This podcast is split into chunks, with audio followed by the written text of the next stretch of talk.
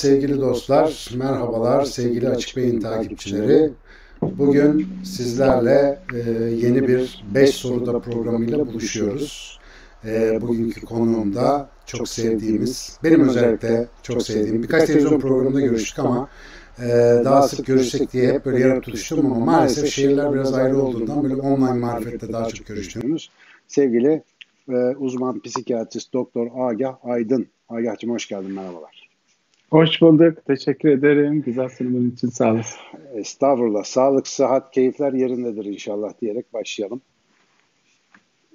Harika bir şanslı insanlardanız. İzmir'deniz. Sizin gibi sefalet içinde İstanbul'da yaşamıyoruz. ee, o, oradan abi. yakasını kurtarmış şanslı insanlardanız. Evet olsun. olsun. Sizinki de hayat. Hemen bak standart İzmirli jargonu da hemen söylemeden edemedi. Bu İzmirliler ee, böyle evet, İstanbullara evet. bir acırlar yani. Abi ben Ankaralıyım. Evet evet olsun. İzmir'e her gittiğimde çok sıkılıyorum. İstanbul'a her geldiğimde böyle bir zihnim açılıyor. O yüzden yerleştim ama İzmir'i seninle bir deneyimlemek istiyorum inşallah. Herhalde daha Valla Ankara'dan bildiğini, Ankara'dan bahsedeceğini bilseydim hiç memlekete girmezdim. Sizin durum daha kötü. ya işte görüyorsun. Neyse. İzmirli, İzmirli bir arkadaşı orada askerlik yaptırdık. Adamın depresyonu 5 senedir hala geçmedi. Beni izliyorsa doktoruma selam ediyorum. Ee, şimdi e, tabii memleket muhabbeti yapmayacağız bugün. Agi Aydın'ı zaten medyadan çok iyi tanıyorsunuz. Muhtemelen bugün e, her ikimizin takipçileri de buradadırlar. Daha önceden sosyal medyada duyurduk. E, bizi birbirimize çok yakıştıranlar olduğu gibi bizi birbirimize hiç yakıştırmayanlar da oluyor. Böyle sosyal medyada enteresan bir çalkalanma var. Bunu da zaten e, muhabbet arasında bir e, devreye alır, konuşuruz. Ama özellikle bu 5 soru formatının bir e, amacı var. O amaç da bizim açık beyin olarak sevdiğimiz, görüşlerinden istifade ettiğimiz, takip ettiğimiz ve aslında biraz böyle kafa frekanslarımızın ve gönül frekanslarımızın uyduğunu düşündüğümüz arkadaşlarımızla biraz daha böyle yüzeyin altında bir muhabbet yapabilmek.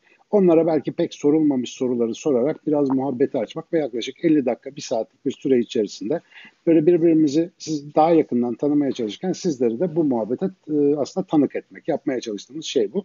Dolayısıyla bugün de yine yeni bir bölümle e, karşınızdayız. Ben standart olarak 5 tane soru hep hazırlıyorum. Aha da kara kaplı defterimde bu sorular duruyor. E, ama hep birinci sorum yaklaşık standarttır. O birinci soruyu sorarak başlayalım. E, bir uzman psikiyatristle konuşuyoruz şu anda. E, ben senelerce işte 12 sene falan tıp fakültelerinde öğretim görevlisi olarak çalıştım. Ve orada tıbba isteyerek giren öğrenci sayısının, gerçekten isteyerek giren öğrenci sayısının oldukça az olduğunu e, bilirim. Ve genellikle yüksek puan aldıkları için oraya gelmek zorunda olan çocuklardan oluşur tıp fakültesi. Agi Aydın e, mutlu bir insan mı? mesleğinden e, memnun mu? Yine gelse aynı şeyi yapar mıydı? Durumlar nedir? Özellikle profesyonel açıdan. Ya ben hep 5 e, e, beş yaşından beri doktor olmayı falan düşündüğüm gibi saçma bir şey söylemeyeceğim tabii. Yani seçimlerimizde ne kadar özgürüz onu bilmiyorum. Ee, bir, bir şekilde koşullandırılmış bir şey var. Hani benim yaşındakiler çok iyi bilir. Ee, bizim dönemde doktor olmak e, havalı bir şeydi yani insanı iyi hissettiren bir şeydi çünkü herkesin size hürmet ettiği bir şeydi. O kadar kıymetli bir şeydi ki ben hani o tıp birinci sınıfta gördüğüm hürmeti şu, şu anda bile görmüyorum. Şu anda e, e, değeri azaldı. Neden ne bilmiyorum. Bilginin, eğitimin, doktorluğun, hekimliğin her şeyin değeri azaldı. Nedenini bilmiyorum. O kadar şeydi. Yani bunu onun karşısında durmak çok zordu. Yani puanınız yetiyorsa tıp fakültesine girerdiniz. Yani yapacak bir şey yok. E, çünkü onu kim kaçırmak ister? Ben de kaçırmak istemeyenlerden istemeyenlerden. Yani. Peki memnun musun şu ee, anda yani? Ama Şimdi başka türlü bir yaşam olur nasıl bilmiyorum. Yani e, kuşkusuz ki iyi yaşamanın birçok yolu var. E, ama benim bildiğim tek iyi yaşama yolu bu. E, şu anki bilgilerimle eğer bir kuşku duymadan cevap verecek olsam, yani bin kere gelsem gene bu işi yapardım. Çünkü kendime dair, insana dair, ilişkilere dair çok fazla şey öğrendiğim bir alan bu. Ee, insanın kendisini çok iyi hissettiren, kendinle ilgili, bedeninle ilgili, e, zihninle ilgili çok fazla bilgi edindiğim bir alan. Bu da çok fazla doyum veren, e, tatmin edici bir alan yani. Dolayısıyla hani diğer alanlarda ne oluyor? Bir insan mühendislik okursa ne edinir, felsefe okunursa ne edinir bilmiyorum. O yüzden kıyaslayamayacağım ama herhalde ben gelsem yine psikiyatrist alırdım galiba. Ama bir filozof bir Ama bu psikiyatristliğin iyi olduğu Hı. iyi olduğundan değil. Ya bu medya değişik bir yer. Yani medyada e, e, diğer insanların söylemediği, düşünmediği bir şeyi söyleyip düşündüğünüzde e, filozofluk ve sanatçılık geliyor akla. Niye de o kadar yüceltilir onu da bilmiyorum. Yani bir e, felsefe e, ya da sanat niye yüceltilir bilmiyorum. Neticede insana dahil bir şey. Herkes yani, yapamıyor hani, ya muhtemelen ondandır yani. Ama orada işte bir çok düşünmemiz gereken şeyler var gibi geliyor bana. İlham geldi diyor. İlham ne ya? İlham ilahi olan demek. E hani sen başka bir şey diyordun. Hani sen Tanrı ile ilişkini kesmiştin. İlham geliyor derken ona geliyor bize gelmiyor demek. E sana geliyorsa sen ilahi bir şey misin? Peygamber misin mübarek yani? Nedir bu? e, ben hani çalışmanın, dürüstlüğün ve açıklığın insanı e, yücelttiğine inanan biriyim.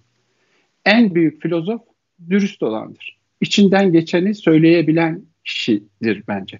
Filozoflar da öyle yapmışlardır. Ben filozofların e, sadece çalışarak, bilgi edinerek filozof olduklarına inanmıyorum. İtirafçıdır filozof bana göre. İtiraf edebiliyorsanız o zaman e, evet felsefeye bulaşmışsınız demektir diye düşünüyorum. Ya da sanata bulaşmışsınız demektir. Sanatçılar ve filozofların büyüklüğü bence e, yeteneklerinden ya da yaratıcılıklarından ya da eğitimlerinden değil, açık sözlülüklerinden geliyor. Çünkü e, e, ben evrenin bir parçasıysam, benim bedenim evrenin bir parçasıysa, benim zihnim evrenin bir parçasıysa o zaman bütün hakikat bende de var. Ben bende olanı ötekilerin bana ne der, ne yapar, ötekiler benden ne ister kaygısını azaltıp yok etmek mümkün değil tabii. Ortaya koyabilirsem o zaman hani sanatçı olabilirim, filozof olabilirim. E, bu anlamda elimden geleni yapıyorum ama pek beğenmediğimi söyleyebilirim kendimi. Yani elimden geldiğince açık ve dürüst olmaya çalışıyorum. Bu anlamda filozof ve sanatçı olmaya çalışıyorum. Ama çok beceriksiz olduğumu söylemek ve itiraf etmek isterim. Zaten kendini beğenen adamla işimiz yok abi. Kendini beğen beğenmediğin zaman gelişiyorsun falan muhtemelen altında da böyle bir mekanizma yatıyor. Ya işi, işin dramatik tarafı ben beğendiğim halde yapamıyorum. Ya bu kadar oluyor. Ee, yani beğendiğim halde bu kadar. Bu da ilginçmiş bak. Evet. Peki abi şimdi e, seninle de daha önce yaptığımız muhabbetler uyarınca ikinci ve muhtemelen e, hani derinlikli gireceğimiz bir mevzuya gelmek isterim. Sonuçta sizin uğraştığınız alana hani ruh bilim deniyor. İşte psikiyatri biraz ruh hastalıklarıyla ilgili bir bilim olarak geçiyordu. Eskiden daha ziyade böyle söylenirdi. Dolayısıyla işin içerisinde bir ruh var, bir işte psyche denen o şey var. İşte ruhsal aygıt var neyse vesaire. Şimdi bununla ilgili aslında bu sorunun iki kısmı var gibi. Sen bir bu psikoterapi gibi, analiz gibi vesaire geleneksel yöntemlerle ilgili bazı e, tereddütlerin ya da söylemlerin var. Bir e, şeyde e, gündem özelde galiba katıldığım bir programda yani bu iş psikologlara ve psikiyatristlere bırakılmayacak kadar ciddi bir iş demiştim. Ee, hı hı. Mesela bu hı. tip hani insan e, ruhsal aygıtına müdahale yöntemleri. E peki yani bunlara bırakmayacaksın, yani sizlere bırakmayacaksak psikologlara ve psikiyatrlara. E, Burada tam ne demek istedim? Ben bunu biraz açmanı isteyeceğim. Yani niye bu kadar ciddi ve niye bu mesleklere bırakılamayacak kadar ciddi? Ee, şimdi çok uzun ama e, yani programın sınırlarını aşabilir bu. Ama e, aklıma gelenleri söyleyeyim. Psikoterapi Freud'dan esinlenerek tarif edersek başka türlü ulaşılamayacak bir araştırma yöntemi ile elde edilen bilgi demek psikoterapi. Yani başka hiçbir şeyle ulaşamıyorsunuz. E, başka türlü ulaşılamayan bir bilgi ise bu. E, bir psikoterapist de bir hasta ne yapıyor da e, buna ulaşıyorlar. Orada işte sınırlar ve çerçeveler var. Biz psikoterapistler nasıl çalışırız hastalarımızla? Hastalarımızın bizden alacakları bir şey değil, kendilerinde olan bir şeye, bir hakikate ulaşmaları için e, zaman ve zemin hazırlarız. Yani psikoterapide psikoterapistin görevi nedir? E, ya da neden bir insan psikoterapiste gider? Yani niye arkadaşlarıyla kendi kendine yapmıyor? E, niye bir psikoterapist ne yapacak ki? Mesela bir de şey çağımızda bazı isimlendirmeler var. Çok düşündürücü isimlendirmeler bunlar. Mesela danışan olmak. Hasta olmayı seçmiyor insanlar. Danışan olmayı seçiyorlar. Danışan olmak şu demek. Gidip birine bir şeyi danışmak demek. Birine bir şeyi danışmak demek danıştığınız kişinin de bilen kişi olduğu anlamına gelir. Oysa psikoterapi bundan çok farklıdır. Ben ne biliyorum ne söyleyeyim size. Yani ben bilsem kendime söylerim yani. Sana ne söyleyeyim? karşıdaki kişinin ruhsal donanımı hakkında. Evet. Değil mi? Ee, biz hastalarla çalışırız. Biz bize danışanlarla çalışmayız. Çünkü bir danışmana ne anlatırsınız? Danışmana bildiklerinizi anlatırsınız. Oysa bizim hastalarımız bilmediklerini de anlatıyor. Danışmanlar söyleneni dinlerler. Biz söylenmeyene bakarız. Danışmanlar hastanın ya da kişinin baktığı yere bakarlar. Biz bakmadığı yere bakarız. Oradan çalışırız. Amacımız nedir? Amacımız kişinin ben nasıl ben oldum sorusunu sorgulayıp kendisiyle ilgili hakikate ulaşabilmesi için yardımcı olmaktır. Aslında psikoterapiyi yapan psikoterapiye gelen kişinin kendisidir. Sen ona bir nevi rehberlik ediyorsun aslında yani. Rehberlik değil bile değil. Bundan vazgeçmeyen birinin ben filan kişinin rehberiyim diyen birinin psikoterapist olma olasılığı yoktur. Ben kimsenin rehberi değilim. Ben sadece bir tekniğin uygulayıcısıyım. Bu teknik nedir? Kişinin kendisiyle ilgili hakikate ulaşabilmesi için mekanı hazırlamak, zamanı, zamanı hazırlamak, onun kendisiyle ilgili psikoterapiyi yapıp kendisiyle ilgili ben ne zaman nasıl ötekilerle nasıl ilişkiye giriyorumu araştırması için zaman ve zemin hazırlamaktır. Ondan sonraki görevi de şudur. O zaman ve zeminin, çerçevenin bekçiliğini yapmaktır.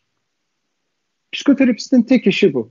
Yani e, bana gelen kişinin kendisine ait olan duygu ve düşünceler her yere gideceğine göre psikoterapiye de gelecek ya onun duygu ve düşünceleri.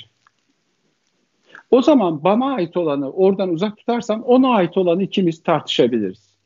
Psikoterapist bu demektir. Kendisine ait olanı oradan uzak tutmaya çalışan kişi demektir. Bana ait olanı oradan uzak tutarsam ona ait olan kıskançlık, öfke, sevgi, aşk, nefret hepsini artık konuşabiliriz o çerçeve içerisinde. Bunu şey için de söylerler hani e, genel hekimlik pratiği ya da hakimlik pratiği için de söylerler. Yani işte kendi nefsini, kendi dertlerini, işte bunu hatta seviye bir dinleme deniyor. Böyle karşıdakini işte kendi sorunlarınla dinlersen, kendini işin içine karıştırırsan gibi böyle bir şey kastediyorsun galiba değil mi? Yani böyle bir nevi dışarıdan olaya e, gözlemci olmak gibi bir şey belki de.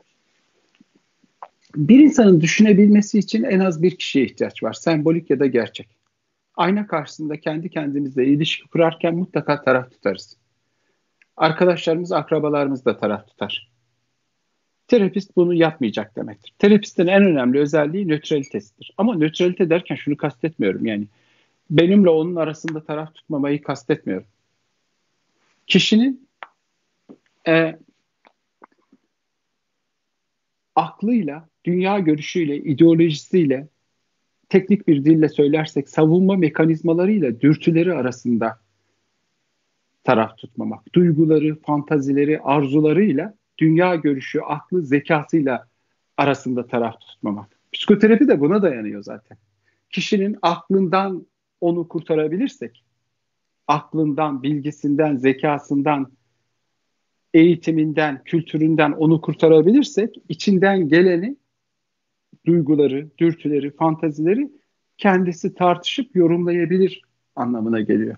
Dolayısıyla Peki. dışarıdan bir bilgi vermek değil, dışarıdan aldığı bilgilerden onu ayrıldırmaya dayanan bir şeyden bahsediyoruz. Abi Tam böyle bir şey tarif ediyorsun ki yani. sanat gibi bir şey tarif ediyorsun. Yani zor bir şey tarif ediyorsun. Hani bir öğretilebilir bir şey de değil bu. Hani e, hani çok boyutlu bir beceri aslında. Böyle bayağı bir bilgece bir şey yani değil mi? Anlattığın şey. e, e, daha e, dramatik olan tarafı şu, e, terapist bir eğitimci değildir. Eğitimcilikten vazgeçen biridir. Bilen kişi olmaktan vazgeçen biri, biri olmaktır ama daha fazlasıdır. Bilen kişi olmaktan vazgeçen biri olmanın verdiği narsistik doyumdan da vazgeçen biridir. Bende bilgisi yok yani. Biz psikoterapi yaparken yetkiyi kendimizden alırız. Yani psikoterapi eğitimi alırsınız ama psikoterapi yapamayacağınıza karar verirsiniz, yapacağınıza karar verirsiniz. Ama hesabı meslektaşlarımıza veririz.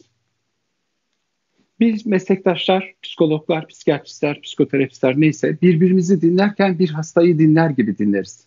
Çünkü biliriz ki bize gelen hastalarla aynı yerden yaralıyız biz de. Evet. Şu damdan düşen bilire katılır mısın? Şu damdan düşen bilir yani mesela çok evlilik e, evlenip boşananların iyi evlilik terapisti olduğuna dair böyle şehir efsaneleri vardır. Mesela bu bunlar konusunda ne dersin? Yani böyle bir tarafı var mı bu işin? Ee, damdan düşen adamı e, sakat bırakır yani. Damdan düşen sizi götürüp damdan düşürür yani. O kendi bildiği yoldan götürür. Tam tersi psikoterapistlik benim gittiğim yol demek değil. Benim çektiğim acılar değil.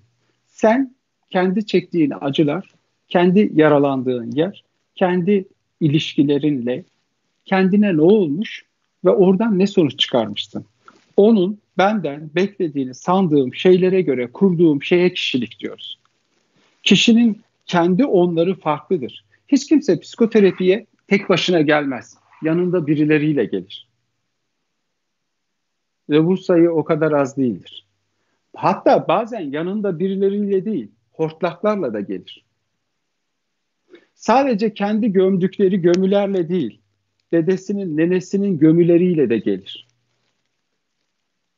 O gömüleri açık konuşması için ortam hazırlamaktır. Yani kafede, e, yolda karşılaşınca psikoterapi yapılmaz. Psikoterapi belli bir zaman aralığında, belli bir çerçeve oluşturulduktan sonra iki kişi arasında o yapılırken bir üçüncüye de atıf vardır. Yasa vardır yani. Üçüncü olmak zorundadır. Neden e, psikiyatri, psikoloji, psikanaliz, psikiyatristlere ve psikologlara bırakılamaz? Çünkü gelen hastayla aynı yerden yaralı olan bir kişi her insan narsistik olduğuna göre kendi patolojisini karşı tarafa bulaştırır. Dolayısıyla biz hiçbir zaman her zaman tek başımızayız psikoterapist olarak. Ama hiçbir zaman yalnız olamayız. Bizim her zaman hmm. ilişki içinde olduğumuz meslektaşlarımız, kurumlarımız, kurullarımız, derneklerimiz vardır. Kurulları, kurumları, dernekleri, meslektaşları olmayan bir terapist olmaz. Terapist tek başına olamaz çünkü sapkın olursunuz o zaman. Yani bu terapistlere bırakılmayacak kadar önemli derken bunu mu kastediyorsun? Böyle bunu kastediyorum. Serbest, evet. ferah feza yapılabilecek bir iş değil diyorsun bu yani. Biz ona psikanalitik literatürde sapkın deriz. Sosyal yaşamda da işte guru deriz. Ne bileyim ne dersen değil. Yani sapkın deriz. Ne, öyle bir şey olabilir mi? Keramet kendinden menkul bir adam, bir kadın olabilir mi? Ama burada Keramet şöyle bir şey geliyor menkul olamaz terapistin. Ama Te- şu, terapist... şu geliyor. Şimdi mesela bu e, gelişime de engel bir şey değil mi? Yani mesela bir inovatif bir yöntem uygulamak istediğinde insan bu sınırlar onu biraz daraltmaz mı? Yani ya bu kadar çok yapılandırılmış bir şey midir mesela özellikle ruh sağlığıyla uğraşmak? Evet yapılandırılmak zorunda bence benim durduğum yerden. Çünkü tek başımıza bizim hepimiz her insan aynı zavallılığı, aynı yalnızlığı yaşar. Az önce dedim ya, hiç kimse terapiye yalnız gelmez. İşin ilginç yanı, psikoterapist de terapiye yalnız gelmez. O da kendi ana babası, kendi hortlaklarıyla gelir. Kendi ana babanız ve kendi hortlaklarınızı hastalarınıza yansıtamazsınız. Hastalar size yansıtır, siz de o yansıttığını ona geri döndürüp yorumlarsınız. Sizden bir şey bulaşmaması gerekiyor ideolojiniz, mi, dünya görüşünüz, yani hayata bakışınız bulaşmamalı ona. Ya mesela terapinin belli kırmızı çizgileri olmalı. Mesela işte bu biraz önce dediğim bunlardan biri gibi. Yani kendi hayatını, kendi yaranı, travmanı, derdini getirmemelisin gibi böyle işte atıyorum terapinin on emri gibi bir şeyi mi kastediyorsun? Hani bu iş sistematize edilmeli derken ben böyle biraz şey anlıyorum. Ben sistematizasyona acık gıcık bir adam olduğum için böyle hani biraz dansa benzeyen bu tip şeyler karşıdaki insanla belli bir iletişim biçimi gerektiren ve böyle çok kaotik dinamiklere dayanan bir şeyi hani böyle çok sıkı tarif ettiğinde çok daraltmaz mısın acaba? O geldi aklıma. Çok böyle merkezi bir şey olsa falan. Aslında burada kastettiğim şey ya da kastedilen şey serbestin o kadar serbest olmadığıdır. Hasta terapiste geldiğinde terapist ona der ki aklına geldiği gibi konuş. Gene Freud'dan esinlenerek söyleyelim. Varsay ki bir trene binmişsin. Kendi yaşamında yolculuk yapıyorsun. Dedelerine, nenelerine, doğduğun güne, her neyse işte kendi hayatında seyrediyorsun. Şimdi ben sana hiçbir soru sormayacağım. Sen aklına ne geliyorsa söyle. Psikanalitik Kur'an'da buna serbest çağrışım deniyor. Ne geliyorsa onu söyle. İğrenç, tiksindirici, utandırıcı, ayıp, saldırgan, cinsel neyse ne geliyorsa aklına onu söyle. Ama bunun o kadar kolay olmadığını görecek kişi. Sansürler ve dirençlerle karşılaşacak. Bu sansürler ve dirençlerin bazıları e, bilinçli olacak. Agah Bey, ben size 3 hafta önce aslında Selimiye Camisi'ni dedem yaptırmıştı. Parasını da bizim sülale vermişti demiştim ya. Aslında doğru değil bu. Yani ben siz benim hakkımda şöyle şöyle düşünün diye böyle böyle demiştim. Bu bilinç düzeyinde. Bakın bir sansürü açtık, bir direnci açtık. Ama bir de bilinç dışı olanlar olacak. Farkında olmadıkları olacak kişinin. Ya ben size 3 aydır filan olayı anlatıyorum ya. Ağlıyorum, üzülüyorum, işte çok hayatım mahvoldu diyorum falan filan. Anlatıyorum ya size. Aslında benim hayatımda hiçbir önemi yok bu 3 aydır anlattığım olayın. Sırf siz benden etkilenin diye bu yalanı uydurdum. Ben bunu hep yapıyorum yani. Benim hayatımda hiçbir önemi yok ki bu anlattığım problemin. Arkadaşlarıma da hep bu problemi anlatıyorum. Ama anlatırken onlar benim için üzülürken onlara içten içe de gülüyorum. Düşünebiliyor musunuz? Ya ben bunu parasını verip her hafta size her saat bunu anlatıyorum. Şimdi fark ettim ki ben filan şeyi anlatmamak için falan şeyi size anlattım. Açıklık, mutlak açıklık dikkat ederseniz. Bu, bu mutlak açıklığı yakalarken nasıl bir bilinç dışı sansürle karşılaştığını fark ediyoruz. Ya da ne bileyim Agah Bey ben geçen gün seansa geç kaldım ya yarım saat. Size de dedim ki ben trafikte geç, trafikten dolayı geç kaldım. Aslında ben o gün seansa gelmek için iş yerinden iki saat önce çıkmıştım. Aslında 15 dakika yetiyordu ama ben iki saat önce çıktım. Mutlaka seansa yetişmem lazım diye. Gidip önceden orada oturayım dedim. Ama çıktım kuaföre uğradım, Ayşe'yi aradım, Fatma'yı aradım, Mehmet'i aradım falan filan. Ondan sonra işte kasaba gittim. Ondan sonra şunu yaptım. Sonra son 5 dakika kala taksiye binince de geç kaldım seansa. Şimdi düşündüm de ben 3 hafta önce trafikten geç kaldım derken aslında ben 4 hafta önce sizin yaptığınız yoruma o kadar öfkelenmiştim ki. Ben hep yapıyorum bunu ya. Birine kızdığımda pasif olarak ona geç kalıyorum. Randevularını unutuyorum. Telefonlarını görmezlikten geliyorum. Aynısını size yaptım. Böyle bir farkındalık oluşuyor yani. Yorumu kim yaptı dikkat ederseniz? Yorumu kişinin kendisi yaptı. Evet farkındalık. Bu farkındalıkta e, teşekkür ederim hatırlattığın için. Herhalde son 20 yılda en fazla e, taciz edilen, en fazla anlamsızlaştırılan, en fazla içi boşaltılan laftır farkındalık artık farkındalık sözcüğünü kullanırken ben rahatsız oluyorum mesela bir terapist olarak. Abi ben seninle ilgili bir şey söyleyeceğim. Sen bütün popüler laflara gıcık oluyorsun. Ben onu hissettim. Yani Şimdi bir böyle şey, ortada bir şey... çok gezen bütün sözler seni rahatsız ediyor. Onu doğru mu algıladım? Yani e, işte birazdan soracağım işin içinde kuşak hikayesi var. işte tecrübe hikayesi var. Ne bileyim işte bu atıyorum biraz e, doğaçlama, new age şeyler böyle çok hoşuna gitmiyor bunlar gibi sanki. Ya farkındalık içi boşaltılan bir şeye dönüşüyor. Yani bir şeyi çok kullandığınızda evet. sağdan, soldan, oradan, buradan herkes çok kullanıyorsa bir düşünmek lazım. Ya bir kere biz o kadar çok okuyan bir ülke değiliz. bu kadar az okuyan bir ülkede, bu kadar az okuyan insanların olduğu bir yerde bu kadar sofistike bir kavramı bu kadar çok kullanılıyorsa içi boş demektir onun. Anlamak demeyi tercih ederim. İnsanın kendi hakikatini, kendisinin ilişki kurma biçimini e, anlamak demeyi tercih ederim. Danışan demektense hasta demeyi. Ne, ne olacak ki? Niye bundan gocunuyoruz ya? Yani şeker hastası, ben şeker hastasıyım deyince bundan rahatsız oluyor mu? Benim ruhsat sıkıntılarım tam, var. Benim tam ruhsal hastalığım var. Şey, bu sorunun iki kısmı var demiştim ama bir üçüncü kısmı daha çıktı burada. Abi böyle baktığın zaman sağlıklı insan var mı bu anlamda? Yani böyle şöyle full. Şöyle düşünebiliyor musunuz? Benim benim doktor olduğumu değil, terapist olduğumu değil. Terapist ne demek? Yunancadan geliyor. Terapiye, tedavi demek. Tedavi edi yani ke- kelimenin anlamını bilmeden kullanıyoruz. Tedavi etmek demek. Şimdi Aynen. benim doktor olduğumu kabullenemiyor da bir insan guru olduğumu kabulleniyor. Bu insanın kendisi hakkında düşünmesi gereken bir şey. Yani e, ben sizin danışanınızım dediğimde sen de benim gurum olmuş oluyorsun. Bunu kabulleniyorum. Senin guru olmanı kabulleniyorum. Ama doktor olmanı kabullenemiyorum. Düşünmemiz gerekmez. Ya da Sağlık danışman. şu demektir. Sağlıklı olmak şu demektir.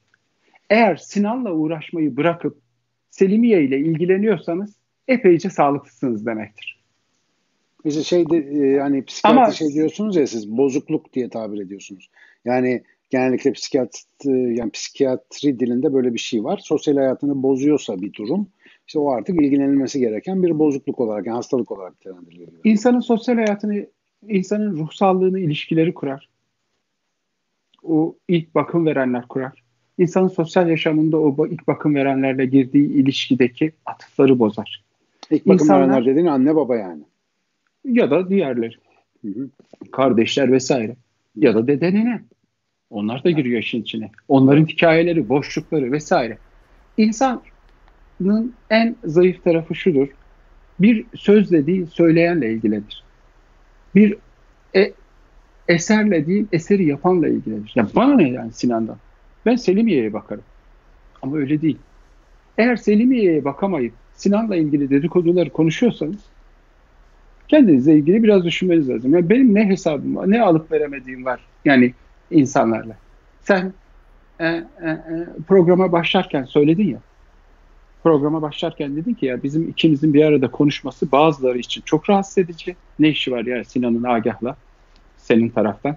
Ya ne işi var ya Agah'ın Sinan'la benim taraftan? Aynen. Bunun anlamı ne? Biz çok yaralı bir toplumuz. Yaralı bir toplum ne demektir? Yani Yaralı bir toplum şu demektir. İnsanın zihni aynı bilgisayar gibi çalışır. Dil de odur. Dil de dil neyle oluşur? İyi ve kötüden oluşur. Şunlar iyi, şunlar kötü. Bilgisayar nasıl çalışır? Bir şurası, sıfır şurası. Bir sıfırla kodla yazarsınız. İnsanın zihni ve dili de iyi ve kötüden oluşur. Fransızcaya bakın, lalö, erkek kadın. Biri bozuk, biri tam. Biri bir, biri sıfır. İspanyolca öyle, Türkçe öyle. Nazmi, Nazmiye falan filan. Bir sıfır. Hep bir sıfır üzerinden gider. Var yok gider. Eğer en insanın en ilkine, dibine gidersek şu vardır. Ben iyiyim, o kötü. E, dilin ilk çıkış noktası burasıdır. İyi, iyiyi kendine alıp kötüyü ötekine vermek. Ama bazı e, e, hemcinslerimizin bazı e, arkadaşlarımızın, bazı soydaşlarımızın kötüsü o kadar kötü ki kötüyle iyiyi yan yana algılayamıyor. Ya Sinan'ın şöyle iyi tarafları var, şöyle de kötü tarafları var. Benim de şöyle şöyle iyi taraflarım var, şöyle şöyle kötü taraflarım var. Atıf Melanie Klein. Açıklayalım. Bir insan eğer akıl hastası değilse kişilik sorunlarının en fazla olduğu yer burasıdır birini çok idealize ediyorsanız, çok seviyorsanız ya da çok nefret ediyorsanız o zaman bu iyi ve kötü hakkında biraz düşünmek gerekiyor. Ya insan bilinç di, di, değil mi? Dil, dildir her şey. Dil aslında insanı öteki hayvanlardan ayırıyor. Çünkü zeka değil bakın. Çünkü ilk iki yaşında eğer bir çocuk dile girememişse bir daha dili öğretemiyorsunuz ona. Yani maymundan hallice bile olmuyor. Aynı maymun oluyor. İlk iki yaşında dile girmişse o zaman da bir şey öğretebiliyorsunuz. Yani belirleyici olan dildir. Dil her şeydir. Dil yoksa hafıza yoktur. Hafıza yoksa hatırlama yoktur. Hatırlama yoksa zeka yoktur. Ha dil nasıl oluşuyor? Size az önce söylediğim bir sıfır üzerinden oluşuyor. Kadınlar, erkekler. Birler, sıfırlar, iyiler, kötüler vesaire. Bu ne kadar incelirse, aa annem bana süt veriyor, sütün bir kısmını vermiyor. O zaman kötü. İyi meme, süt veren meme iyi, vermeye kötü falan gibi. Böyle şekillenen bir şeyden bahsediyoruz. Ondan sonra bir bakıyorum ki olgunlaşmış kişilik nedir? Ya bu kadın beni doyuruyordu. Suçluluk gelir. Ben ondan nefret ediyordum. Kötü o diyordum. iyi ben diyordum. İnsanı insan yapan suçluluk dikkat edersen.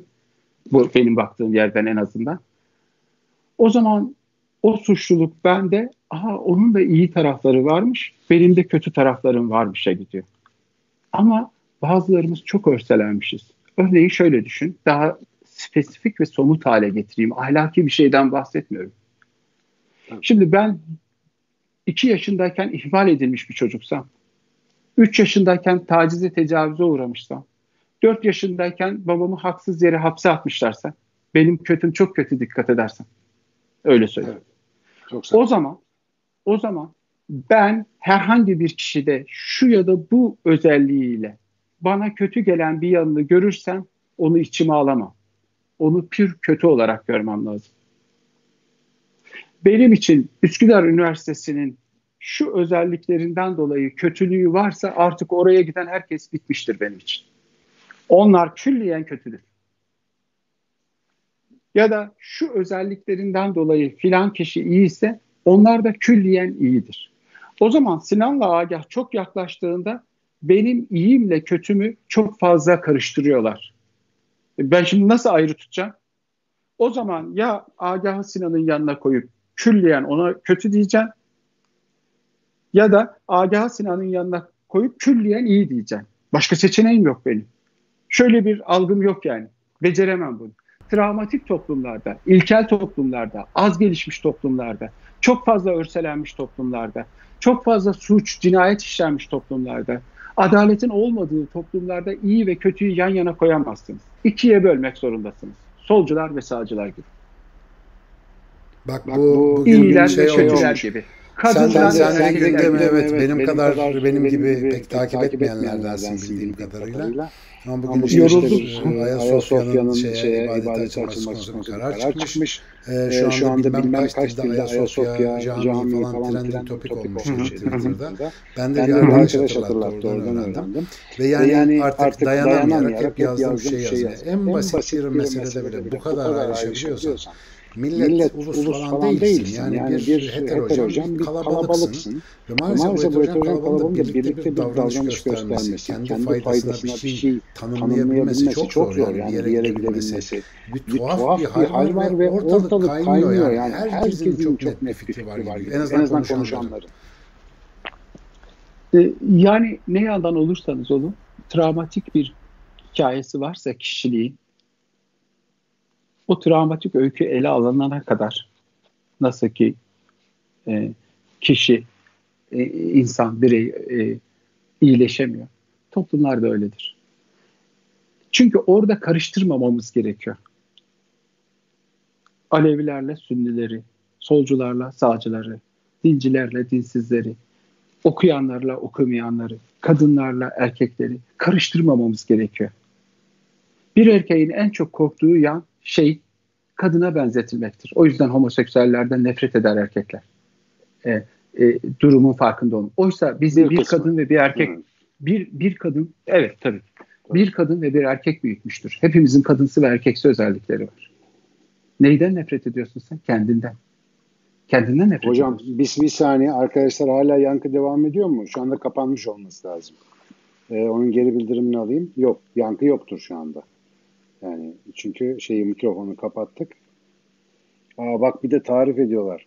Bak Hı-hı. Sinan Bey AirPods'ları kutusuna koyup 30 saniye sonra geri çıkarın diyor. Abi millet var ya ne enteresan ya.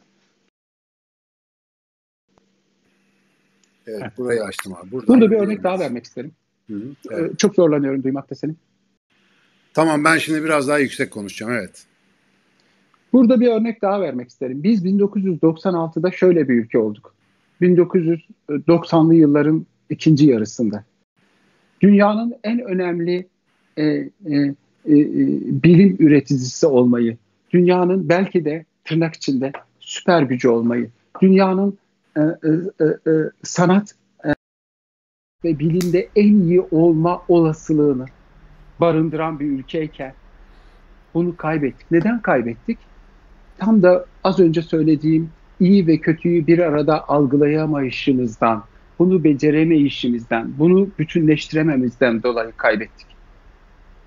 1990'lı yılların başında Rusya yıkıldı.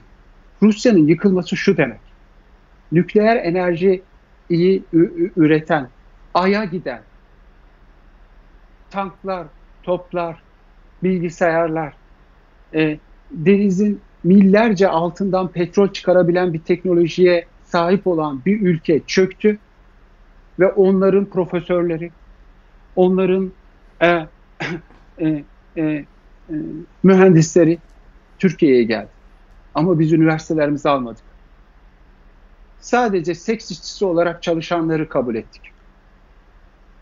Çocuk doktorlarına çocuk bakıcılığı yaptırdık. Onları küçümsedik. Çünkü onlar komünistlerdi.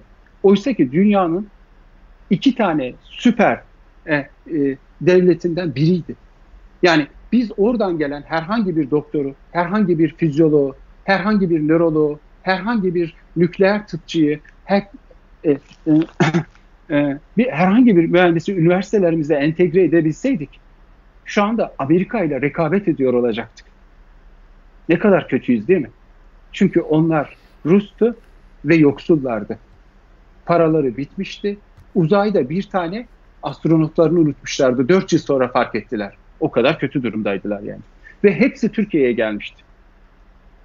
Ama biz onları üniversitelerimize almadık.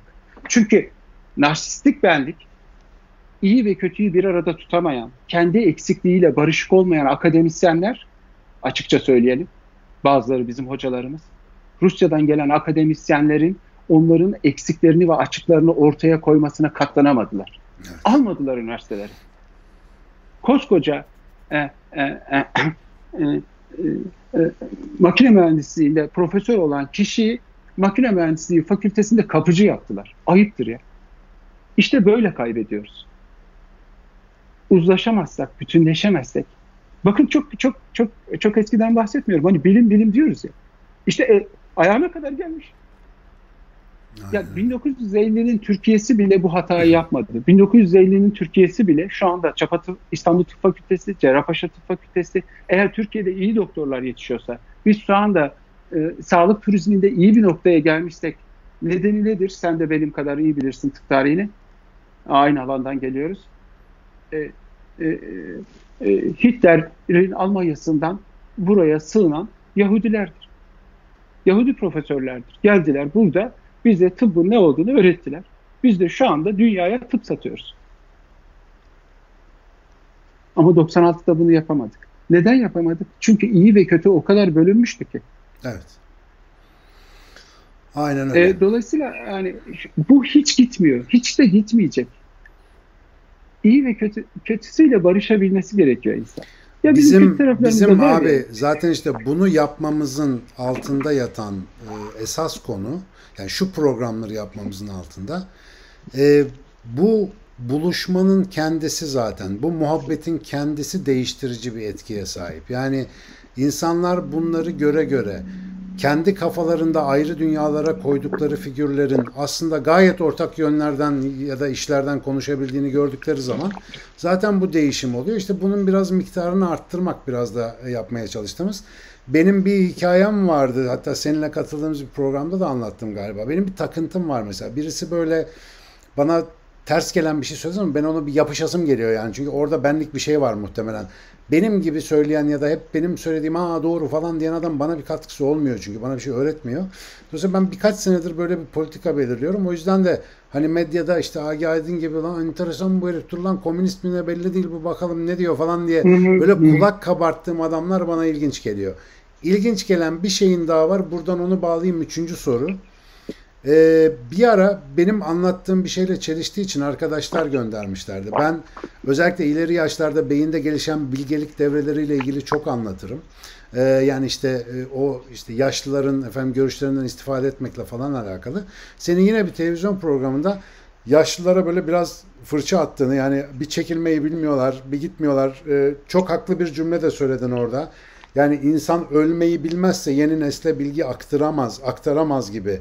Yani böyle yapışıp kalanlardan bahsettiğini biliyorum ama acaba yaşlılığın ya da yaşanmışlığın bilgeliğini reddettiğin anlamına geliyor mu? Ben zannetmiyorum öyle olduğunu da biraz aç diye onu sordum. Ne demek istedin? Şu yaşlılar bir gitsin de gençler bir yeni dünyayı işte kursun falan derken onu acık açsana. E, yani bilgelik bilmediğini bilmektir. Öyle diyelim. Hani bir e, filozofa gönderme yapalım. Bildiğinden vazgeçemeyen biri cahil demektir. Yani ben şu anda her şeyi biliyorsam sen ne anlatırsan anlat. Dinlemeyeceğim ki seni. Aynen öyle. Tamam Bilen biri çünkü. sevmez. Bilen biri sevmez. Bilen biri dinlemez. Bilen biri saygı duymaz. Eğer yaşlılığı bilmek olarak kabul ediyorsak dramdır bu. Ha, Ama maalesef bu, bu, bu tanımı bak koyman güzel oldu. Ben bilirim bizim kültürümüzde yaşlılık hmm. yaşlılık bilmek anlamına geliyor. Oysa evet. ki tamam mail göndermeyi bilmiyorsun ya. Nereden biliyorsun? Hiçbir şey bildiğin yok yani. Sen kendi kendi dramını bize boca edemezsin. Dolayısıyla hani burada yaştan bahsetmiyorum tabii. İhtiyarlık vesaire bundan bahsetmiyorum. Ne güzel ihtiyarlar var. Yani öyle güzel konuşuyorlar ki. Ne nasihat ediyorlar, ne yol gösteriyorlar. Ben böyle böyle yaşadım diyorlar. Onlardan bahsetmiyorum. Bilenlerden bahsediyorum. Bilmek cehalettir. Cahillik bilmek demektir. Bilmemek kadar lüks bir şey var mı? Yani, yani bilmeyen biri öğrenmeye açıktır. Ya biliyorum demektir galiba değil mi cahillik diyen? Ben biliyorum evet. dediğinde cahil oluyorsun. E, aynen öyle. Cahillik bilmek demektir. Hı. Cahil bilmediğinden cahillik yapmaz ki. Bildiği için cahillik yapar. Zaten bilmeyen biri ne olacak ya? Bir insan ne bilebilir yani? Senden benim bildiğimi, doğru bildiğimizi, sen de ben de bir tane asistanımıza, bir tane öğrencimize üç günde aktarırız yani temel prensiplerini. Çok zor bir şey değil ki. Bir insan ne kadar bilebilir yani? Aynen. Onun da ben kendi adıma konuşayım. Bildiğim, yanıldığıma yetmiyor yani. Geçen sene söylediklerim bu sene komik buluyorum. Aynen. O, e peki... Onlar da bana ait değil bu arada. Onları da işte bizden öncekilerden öğrendiklerimiz, öğrendiğimiz bilgileri az kitap okuduğum için az bildiğimi görüyorum. Sonra biraz daha okuyunca o da yanlışmış, o da yanlışmış. Hayatta böyle gidiyor işte güzel bence, eğlenceli. Ama hala bir e, şeyim şeye ihtiyacımız var bence. Yani biraz önce senin cümlenin arasında da geçti. Öyle e, yaşlılar, öyle ihtiyarlar var ki bu arada bir ihtiyar lafını daha çok seviyorum anlam itibariyle.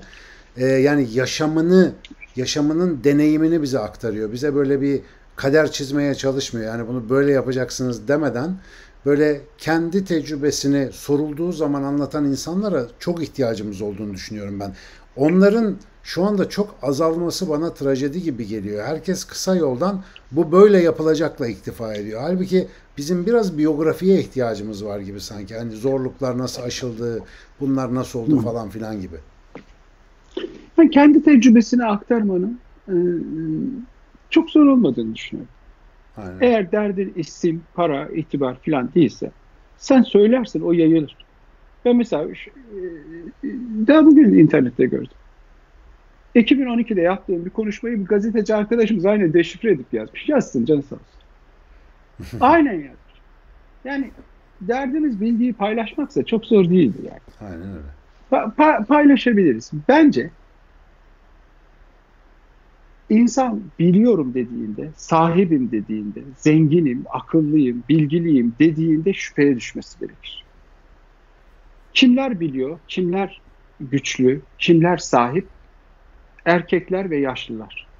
Bence bence 50 yaşından ya da 40 yaşından büyük bir erkeğin hem erkek hem yaşlı bulunduğu koltuktan anında kalkması gerekir. Hiç çekilmez diyorsun. Hem erkek hem yaşlı. Hiç.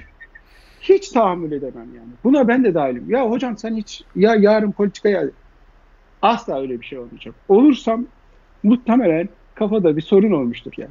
Keçileri kaçırmışım demektir. Olur Bak bunu, şey bunu, bunu yazın bir kenara. Şeyden e, bu videoyla kayıtlara geçelim. Bu arada ben bizim... hayatımda 3 3 kere istifa ettim. Zaten devlet memuru olamıyorum.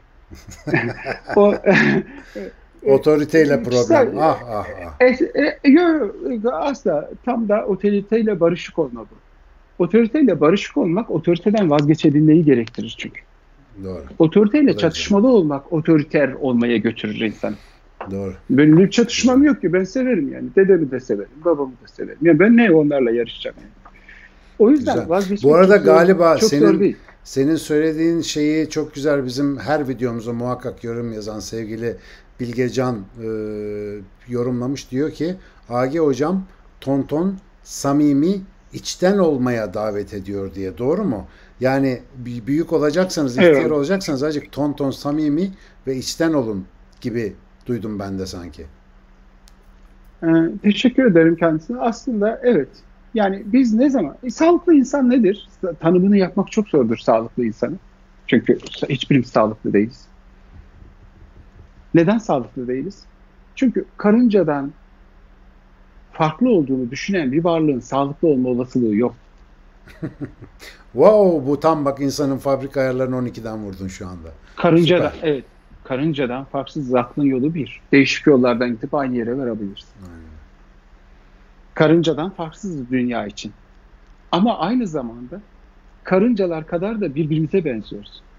Bunu içimize sindirdiğimiz an kısmen bir sağlıklılık söz konusu. E, Abi burası çok açık, iyi değil. Açıklık, evet. İçinden ve çok itiraf, yakından bakınca farklar aşırı büyüyor değil mi? Halbuki şöyle biraz kuş bakışı baksan hepimiz aynıyız abi. Bütün dertlerimiz evet, bu yani. Evet. Vay be. Evet. Güzeldi bu. Aynen. Yani belki ruhsal aygıtın ne olduğunu ne olduğunu tarif edebilirsek e, senin yardımını isteyeyim burada. E, Beethoven'la anlatalım. Ruhsal aygıt nedir? Aa, eyvallah. Yani insan zihni nasıl çalışıyor? Beethoven'ın 5. E, e, senfonisi e, o kısa filmin yönetmeni adını sen biliyorsan lütfen sen hatırlat. Evet. Ee, ben benim de aklımda değil. Şimdi oynarken zaten görecek arkadaşlar. Şimdi seyircilerimizden e, ricam seslere ve görüntüye odaklansınlar. Evet. Ben de şimdi başlatınca sana haber vereceğim. Sen görüntüyü direkt görebiliyorsun. Çünkü ben duymuyorum. Tamam okey. Ee, arkadaşlar sizi e, Beethoven'ın 5. senfonisi üzerine yapılmış güzel bir animasyon ve e, Agi Aydın'la baş başa bırakıyorum kısa bir süreliğine. Can kulağıyla dinleyin. Sese, müziğe, görüntüye ve e, Agi Hoca'nın sesine evet, konsantre olun lütfen. Evet, evet başlattık. başlattık. Sefalet fakirlikten daha beterdir efendim. Bir insanın artık gidecek bir yeri olmaması ne demektir bilir misiniz? Her insanın dara düştüğünde çalacağı bir kapı bulunmalı değil midir?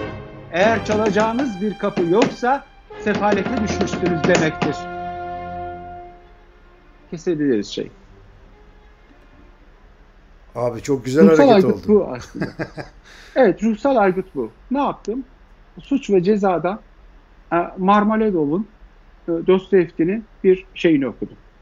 Şimdi biz birbirimize az önce okuduğum o sözleri gösteriyoruz. Peki arka planda ne var? Bir takım işte çizgiler var. Arka planda ne var? Bir müzik var. Arka planda var, dikkatli dinleyiciler duymuştur, bir gürültü vardı. Şöyle bir şey vardı. Hakikat o az önce yaptığım gürültüydü. Cinsellik ve agresyon. Yani o tap tap tap tap gelen ses bizim gerçeğimiz. Müzik ne burada? Onların üstüne geçirdiğimiz duygular, kılıf. Rüyalarda filan görürüz onu. Onun üstüne geçiriyoruz. Oradaki çizgiler ne? Rüyadaki imgeler. Şimdi o az önce çıkardığım tuhaf seslerle masaya vurarak çıkardığım seslerle o çizgilerin bir ilişkisi var mı? Yok. Atlıyoruz, zıplıyoruz, yukarıya dağa çıkıyoruz. Bir de benim okuduğum var. Psikoterapi ne kadar zor bir şey dikkat edersen. o okuduğum şeyden o gürültüye gitmeye çalışıyoruz. Arka plandaki esas gidiyoruz yani. Evet çok. Çok gerçekten o yüzden sanat gibi diye o yüzden söyledim. Yani gerçekten e, çok sanatsal bir tarafı var gerçekten bu işin. Yani zor bir şey. Ruhsal aygıt böyle işliyor. Biz az önce söylediğim kelimelerden kendimize bir duvar örüyoruz. Bir, bir post kesiyoruz. Ama hakikat arkadan gelen o Beethoven'ın da değil. O çizgiler de değil. O arkadan gelen saçma sapan gürültüler. O da nerede ortaya çıkar? Sarhoş olduğunuzda ortaya çıkar. Yorgun olduğunuzda ortaya çıkar. Ya boş bulundum dediğinizde ortaya çıkar.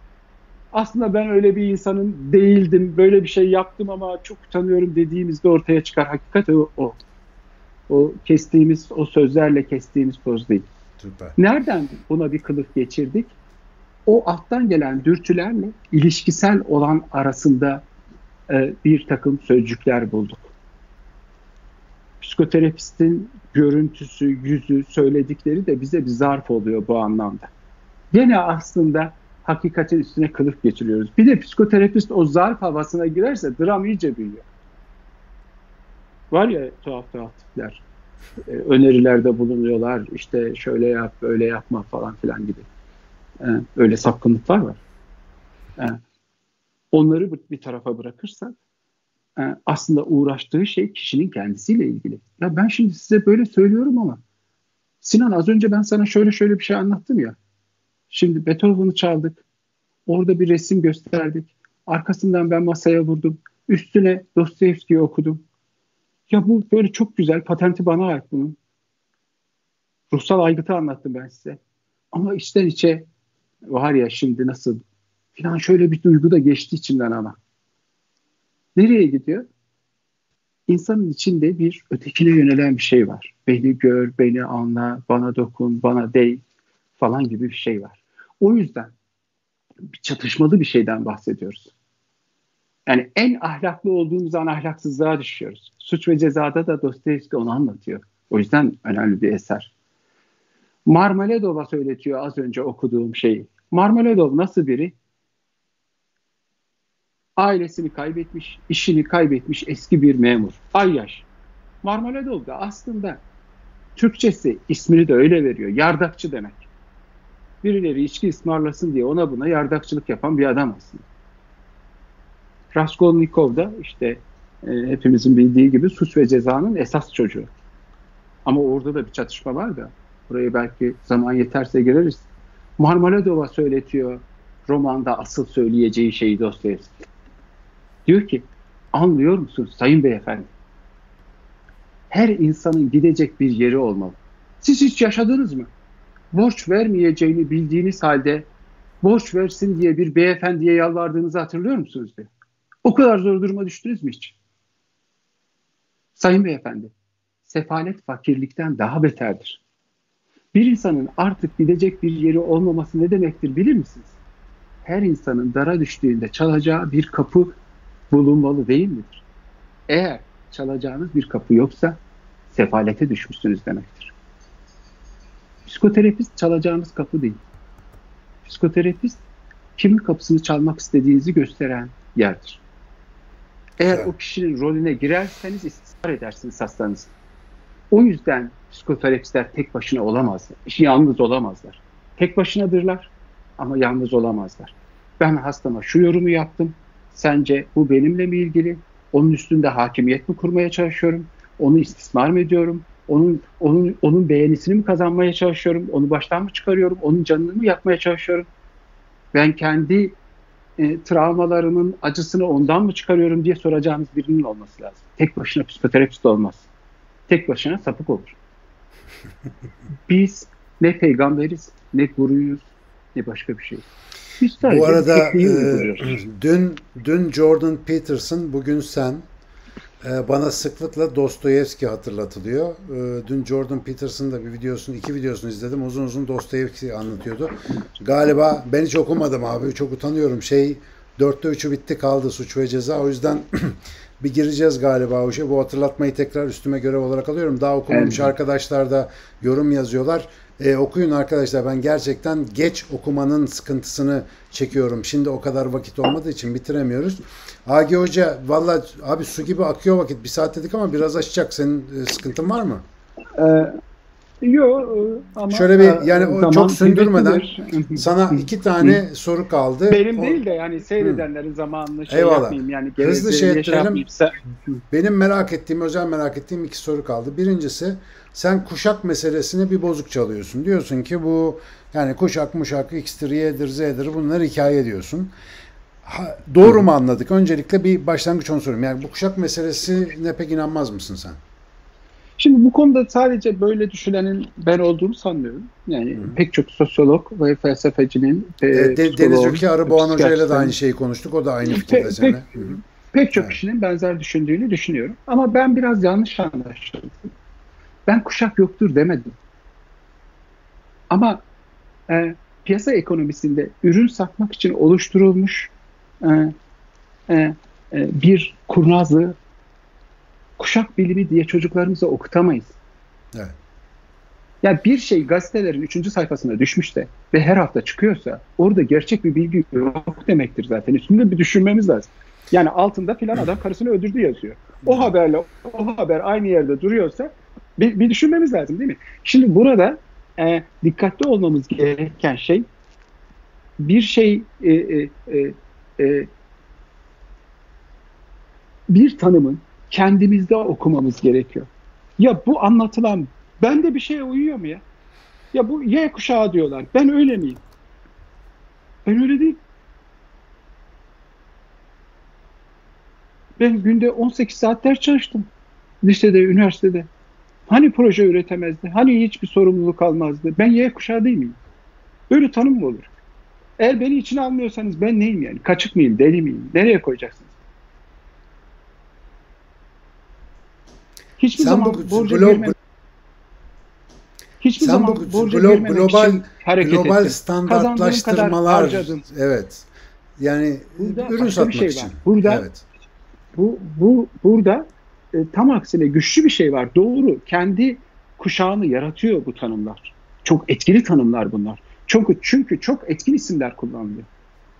Yani e, e, e, e sen e, Türkiye'deki en önemli akademisyenlerden birisin. Biz bir makaleyi okuduğumuzda ne yaparız? İçeriye bakmayız önce. Kim yazmış? Sponsoru kim? Değil mi? Onlara bakarız önce. Künyesine bakarız bir. Nereden çıkmış bu makale? Hangi dergide yayınlanmış? Hangi endekste endekslenmiş? Şimdi bu XYZ kuşağı ile ilgili bilgilerin hepsi holdinglerin servis ettiği bilgiler. Oo bir dakika ya. Siz nasıl bilim sevici oldunuz böyle? Dünyanın en önemli bilgisini çalışıyoruz. Beş kuruş vermiyorsunuz. Burada muslukları açmışsınız. XYZ kuşağı doğru bir tanımlamadır. Ama filan şirket filan malı satıyorsa. Şöyle bir tartışma vardı iki hafta önce Türkiye'de. Z kuşağı efendim kaç yaşından başlıyor? Ben yardımcı olabilirim kendilerine. Gerçekten yardımcı olabilirim. Bakın hiçbir şeyde bu kadar kesin olarak biliyorum ve ben size doğru bilgiyi verebilirim demezdim ama bu konuda değilim.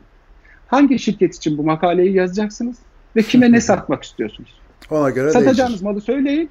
Ben Z kuşağını 18'den mi 14'ten mi başlatacağını size anlatırım. Doğru. Çok güzel. Öyle tarif edeyim. Eyvallah. Kime ee, ne satacağınızı biliyorsanız kuşakta olur. Doğru.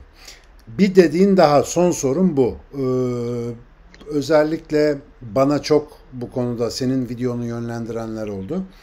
Annelik içgüdüsü diye bir şey yoktur. Bu uydurmadır dediğim bir program bölüm var. Ben de izledim orayı. Bu programdan önce de izledim. Ee, mesela çocuk sahibi olmak istemeyen insanlar var diyorsun.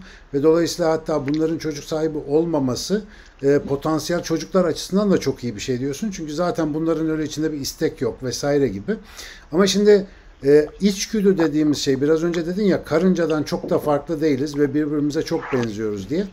İçgüdünün herkes de biz mesela biyolojide aynı şekilde ortaya çıkmasını beklemeyiz ama mesela bir popülasyonun ortalamasında hani yüksek oranda gördüğümüz bir davranış olunca biz buna üç, içgüdü diyoruz. İşte oksitosin hormonudur, prolaktinidir, onun bunun e, total etkisiyle böyle bir şey ortaya çıkar diye biz hep anlatırız. Sen içgüdü yok derken acaba herkese böyle dayatılabilecek bir standart yok mu demek istiyorsun? Yoksa içgüdüyü komple mi e, inkar ediyorsun? Ben o kısmı yani reddediyorsun. Onu anlamak istiyorum açıkçası. Hı. Tam olarak ne demek istedin orada? E, içgüdü e, e, Freud'a atıf yaparak söyleyelim. İçgüdü ötekine çarparak dönüşmüş bir şeydir insan yavrusunda. Diğer hayvanlardan farklıdır. Ötekine çarpıp dönüşen bir şeyin de ne yöne gideceğini öngöremezsiniz. Mesela yaşam içgüdüsü diye üfüremezsiniz. Bütün canlılarda var olduğunu söylediğiniz yaşam içgüdüsünün aslında ölüm içgüdüsü olduğuyla yüzleşebilirsiniz. Bizim her hareketimiz, her davranışımız, her sözümüz ölüme doğrudur. Belki de ölüm içgüdüsünden bahsediyoruz. Nasıl ölüme doğrudur? Şu anda bir saat daha yaşlandık. Bir saat daha öldük. Yapıp ettiğimiz her şey bizim arzumuzu biraz daha körlüyor. Ya her şeyimiz var ama yani bir türlü. E çünkü öldürdü, arzuyu öldürdü. Arzudur insanı hareket ettiren. İçgüdü değil. Arzu da ötekilerle öyle indirgeyerek söyleyeyim çok geniş bir konu bu tabii. E, bu kadar e, kabul edersin, takdir edersin ki Elbette. E, bu birkaç cümleyle anlatmam zor olan bir konu. Anlatabiliriz ama çok uzun bir konu bu. Belki İnsan de sonraki programların yerini yapıyoruzdur. Agah'cığım belli mi olur yani? Ke- ke- kesinlikle dürtü, içgüdü, arzu konusunu konuşabiliriz. Çok da bence evet. kıymetli de olabilir eğer sen de kıymet verirsen. E, e, burada insan arzusunu ne belirliyor? Ötekilerle girdiği ilişkiler be- belirliyor. Ötekilerle girdiği ilişkilerde hepimizde daha incelikli, daha ince ayar gerektiren, üstünde çok düşünmemiz gerektiren bir şey. Efendim yani niye seks yapıyoruz? İşte üreme içgüdüsü. Ya bu manyak mısın neysin yani? 30 senedir seks yapıyorsun bir tane çocuğun yok. Hani korunuyorsun, doğum kontrol kullanıyorsun. Hiç öyle bir şey yok. İşte evrimsel olarak şuradan falan. Evrime aykırı bir şey söylemiyorum. Ama İnsanın şöyle bak nasıl, şu, şunu şunu bir şunu bir açmak istiyorum. Psikanalistlere göre Hı. biz hani o az önce bir müzik dinledik ya. Hı hı. Orada bir gürültü vardı. O gürültüyle o söylediğim sözler arasında hiçbir ilişki yok dikkat edersen. Psikanalistlere göre bir insan yeterince psikoterapi görürse hakikatine ulaşır. Ama bu bir bit. Bir teori bu. Hiçbirimizin ömrü yeterince hakikate ulaşacak kadar uzun olmayacak. Delilik ne demektir? Delilik saf içgüdülerle bir bakıma hareket etmek demektir. O vurduğu masadan çıkardığı sestir delilik. Bizse kendi aklımızın ve ötekinin arzusunun nesnesi olma ve kelimelerin tuzağına düşmekten kurtulmamız da imkansız. Çünkü elimizde o kelimelerin bize ne yaptığını anlayabilmek için de tek İngiliz anahtarı o kelimeler. Şimdi bir şeyi kendisiyle çözümlemeye kalktığınızda da hep tuzağa düşeceğiz. Hiçbirimiz mutlak anlamda mutlak gerçeğe ulaşamayacağız. Hep bir yanını bükeceğiz. Bir yanını büktüğümüz için de o içgüdüsel, saf içgüdüsel olana ulaşmamız imkansız.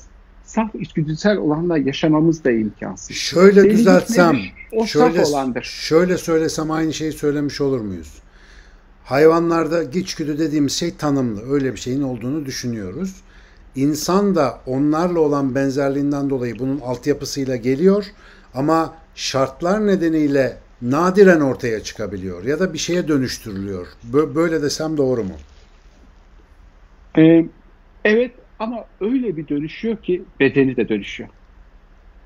Bedenin, bizim acılarımız, bizim travmalarımız, bizim sözlerle dürtülerimizin birbiriyle çarpışması öyle bir etki yaratıyor ki öyle sözlerle karşılaşıyoruz ki ömrünün sonuna kadar tek bir cinsel ilişki yaşayamayan milyonlarca insan var. Evet. Giremiyor. Doğru. Çünkü engelleniyor. Aklımdan bir şey geçiriyorum, yüzüm kızarıyor. Bir insanın yüzünü kızartmak için acayip bir güce ihtiyaç var. Kilometrelerce kara, e, damara kan pompalıyorsun. Bedenin değişiyor. Bir şey düşünüyorum, tüylerim diken diken oluyor. Elim ağrıyor, başım dönüyor. Dizlerim titriyor. Bacaklarımın arası ıslanıyor. Altıma işiyorum. Ne oluyor? Ete işlenmiştir o acılar. Artık o geri dönüşsüz olabilir. O kadar kolay değil onu geri döndürmek. Yani hormonlarla filan e, e, onu açıklamamız zor. Eyvallah. Ama bu hormonların olmadığı, etkin olmadığı, hormonlarla ilgili çalışıp onlarla ilgili bilgi üretemeyeceğimiz, insana fayda sağlamayacağımız anlamına gelmiyor. Her şeyi bir kaba koymak zorunda değiliz. Hormonlar da çok kıymetlidir. İlaç verirsin, hormonları yönlendirebilirsin. İşte ne bileyim e, e, e, e, nöroloji çok gelişti, fizyoloji çok gelişti evet. Ama bunlar çoklu etkilerle açıklanabilen bir şey ki senin yanında bu bunu söylemekten e, e, edep duyarım. Hani bu ar, eder, ar ederim bunu bu konuda emek vermiş bir insanın yanında hani bu sözleri söylemek istemem ama multifaktöriyeldir. E, bunu e, tek bir şeye indirgeyemeyiz. Yani öbürleri yalan bu doğru diyemeyiz. Oksitosin de var tabii. Ama söz de var. Biz sözlerle e, büyük ölçüde e, e, şu ana kadar e, Freud'un esinlenerek söyleyelim. Şu ana kadar bir insanın ruhsallığı üzerinde etki oluşturabilecek en kötü yöntem psikanalizdir. En kötü yöntemdir. Ama elimizdekinin en iyi olduğunu unutmamamız gerekiyor. Doğru. Şimdilik. Doğru. Not yet. Bir evet. hafta sonra e, sizler çok önemli şeyler bulursunuz. Eyvallah yani. E, bugün kapitalizmi yönlendiren Freud'un yeğenidir. Kendi sigarasını güzel kadınlara içtirip fotoğrafını çektirdiği için evet. Evet. Örneğin. Evet. Ne kadar önemli. Tamam tamam. Bizim bundan sonraki e, yapacağımız programda inşallah konu başları ufak ufak çıktı. E, ben çok teşekkür ediyorum katıldığın ama ama birkaç soru geldi. Bir cümleyle e, halkımız şunu istiyor. Gerçekten psikoterapiye gerek var mı? Bu sorunun cevabını vermemişiz. e, şimdi bir şey çok yozlaştığında üstünde düşünmek gerekiyor. Ben yaşlandığım için olabilir. Arkadaşlarımdan, meslektaşlarımdan özür dilerim. Ama son dönemlerde eğer bir çalışmaya dayanmıyor çünkü söyleyeceklerim, düşündüklerim bir çalışmaya, bir araştırmaya dayanmıyor. O kadar kötü uygulamalar görmeye başladık ki. Ee, e, psikoterapi sanıldığı gibi ilaçlardan daha masum daha etkisiz ya da daha etkili bir şey değil. İlaçlar da etkilidir. Psikoterapi de etkilidir. Yerine, zamanına ve probleme göre değişir. Bazen birini tercih ederiz, bazen diğerini, bazen her ikisini birden tercih edebilir. Doktorlar, klinik psikologlar, danışmanlar bunları tercih edebilirler. Ama bir şeyin etkisi varsa, e, e, yan, yan, yanılmıyorsam Hipokrat'ın sözüydü. Bir bıçak kesiyorsa iyileştirir. Kesen bir şey de sizi öldürebilir, iyileştirebilir. E, psikoterapi de doğru uygulanmadığında çok zararlar verebilir. Yan etkisiz değildir. Hiçbir şey gibi, hiçbir tedavi edici enstrüman gibi psikoterapi de masum değildir. O kadar çok dünyada da böyle yanlış uygulama arttı ki, o kadar çok sapkınlık arttı ki ben kişisel olarak fikrimi söylüyorum. Uygulanıp uygulanmamasının hangisinin insanlığın lehine olduğundan emin değilim. Ama bu en güzel yol açan şey de bu zaten. Evet. Yaşlanmamla ilgili olabilir, yanılgılarımla ilgili olabilir bilemiyorum ama ben samimi olarak yani Agi Aydın işte bunca senedir bu konu üzerinde düşünüp çalışıyor. Ne düşünüyor? Emin değilim. Dostlarımla paylaşacağım bir şeyi bütün e, arkadaşlarımla e, e, memleketimden insanlarla paylaşmış olayım. Emin değilim. Gerçekten değilim bir şey e, 3 kişiye fayda sağlayıp 30 kişiye zarar veriyorsa uygulamamamız da iyi olabilir. Belki de öyle olabilir. Ya da bunu düzenlememiz lazım. Düşünebiliyor musunuz? Yasası yok ya. Ben az önce ne kadar titiz anlattım. Kaç yaşında olursanız olun psikoterapiyi tek başınıza yapamazsınız. Hesap vereceğiniz meslektaşlarınızın, derneklerinizin, kurumlarınızın olması gerekir bu kadar hassas bir konuda yasanın olmaması çok düşündürücü. Bu tabii şu anki hali hazırdaki hükümetle, iki önceki hükümetle filan ilgili bir şey değil. Dünyadaki ekonomik yapıyla ilgili bir şey. Çok zor bir konudan bahsediyoruz. O yüzden konuyla ilgili taraf meslek örgütlerinin, psikologların, rehberlik psikolojik danışmanların ve psikiyatristlerin, çocuk gelişimcilerin hepsinin katıldığı ortak bir ruh sağlığı yasasına acilen ihtiyacımız var çünkü bu bir halk sağlığı sorunu oldu. Evet. Şu anda evet, ciddi şekilde ciddi şekilde tedaviye ihtiyacı olan insanlar insanları tedavi etmeye kalkıyor. Psikoterapinin anlamını bilmiyor ya. Diyor ki doktorlar işte şunu ter, terapi tedavi demek. Eğer yasaları ciddi ciddi uygulasanız terapi sözcüğünü kullanarak herhangi bir iş yapanın ömür boyu hapisten çıkamaması demek biliyor musunuz? Tababet bilmem şeyleri yasası gerekir. Danışmanlığı ayırmamız gerekir. Koçluğu ayırmamız gerekir. Bunlar kıymetli işlerdir ama birbirine karıştırmamamız gerekiyor. Hepsinin işlevi farklı. Yani ben de bana mesela bir sürü şirketten gel bizle konuşma yap diyorlar. Ya yapacak arkadaşlar var. Uğur yapsın, Sinan yapsın, onları da onlar yapsın. Bu benim işim değil ki hiçbirine gitmiyorum mesela. Ne gideceğim? Yani? Psikiyatristim diye hepsini yapacak halim yok ya. Benim işim belli yani. Ben hastayla çalışıyorum. Tek başıma çalışıyorum. Yani bunları birbirinden ayırmamız, sınır ihlallerini önlememiz, herkesin mesleğinin hakkını vermemiz, ben ondan iyiyim gibi saçma sapan tuhaf narsistik şeylere girmememiz, videoları kesip kesip filana şu cevabı verdim falana şu cevabı yapıştırdım gibi peygamberlik oynamamamız. Kendimize gelmemiz lazım ya. Ve hep beraberiz. Hep beraber bu, bu, bu gemide yaşıyoruz. Bir, senin söylediğin tabii ki bana ulaşıyor. Senden duymasam senin etkilediğin öğrencinden duyuyorum. Benim söylediğim ötekine ulaşıyor. Biz birbirimizle büyüyoruz, birbirimizle öğreniyoruz. Bu o, zavallılıktan vazgeçmemiz gerekiyor. Hepimiz karıncadan halliceyiz yani. Çok da abartmamak lazım. Her dakika bugünün, biraz daha Bugünün ölüyoruz. motto İnsanın sözü her hepimiz karıncayız. Öyle. Hepimiz karıncayız. Ha, öyle. Keşke olabilsek. Yani. Olamayacağız. Karıncadan evet. halliceyiz diyelim. Karıncalara ayıp etmeyelim. Onlar kadar dürüst olmamız çok zor çünkü. Eyvallah. Agah'cığım ağzına sağlık. Seninle sohbet, muhabbet her zaman zevk. Ee, bu güzel imkanları böyle şeyler yaptığım zaman iyi değerlendirmişim Konuşturana gibi bana. sağlık. Eyvallah. Ee, yani, Konuşturana sağlık. Motive edene sağlık. Eyvallah. Fırsat sağ sağlık. Sağ olasın. Sağ olasın. İnşallah e, daha başka muhabbetlerde de buluşmak, e, böyle e, açılmak isteriz. E, çok kıymetli bir zihinsin. Çok kıymetli e, kapılar açıyorsun bize konuştukça. Ee, söylediğimiz hakikaten burada özellikle senin anlattığın her bir kısım ayrı bir program da hak ediyor ama bence bugün sanıyorum 5 soru oldukça görevini yaptı. Biraz böyle anahtarları, kilitleri en azından yerleştirdik. Bundan sonra açıp girmesi kaldı. Bakalım önümüzdeki dönemlerde bu konularla ilgili nasıl açılımlar yapabileceğiz ama benim en çok aklımda kalan şey Agi Aydın'dan ki biz vallahi bunu öncesinde konuşup da kararlaştırmış değiliz. Biz Açık Bey'in ilk kurduğumuzda ilk yaptığımız video kampanyanın adı Bilmiyorum kampanyasıydı. Çünkü ancak bilmiyorum dersen gelişebilirsin, ancak bilmiyorum dersen büyüyebilirsin diyerek biz Açık Bey'in temel mottolarından biri yapmıştık bunu. Sevgili Müge Doğan e, ve diğer arkadaşlarımızın da özellikle yaptığı hazırlıklarla. Ve netice itibariyle bugün burada gelip de daha nispeten e, ondan çok sonra tanıştığımız ve fikrine, zikrine, zihnine güvendiğimiz bir arkadaşımızın da aynı konuyu tekrar burada altını çizmesi benim bugün en çok aklımda kalan konu oldu.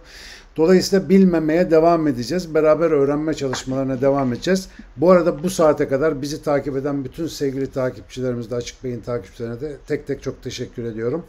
Sağ olun, var olun. İnşallah yeni 5 soru bir programlarında. Bir cümle eklemek istiyorum. Tabii, tabii ki, tabii ki. Burada bir şey getirdi söylediklerin aklıma.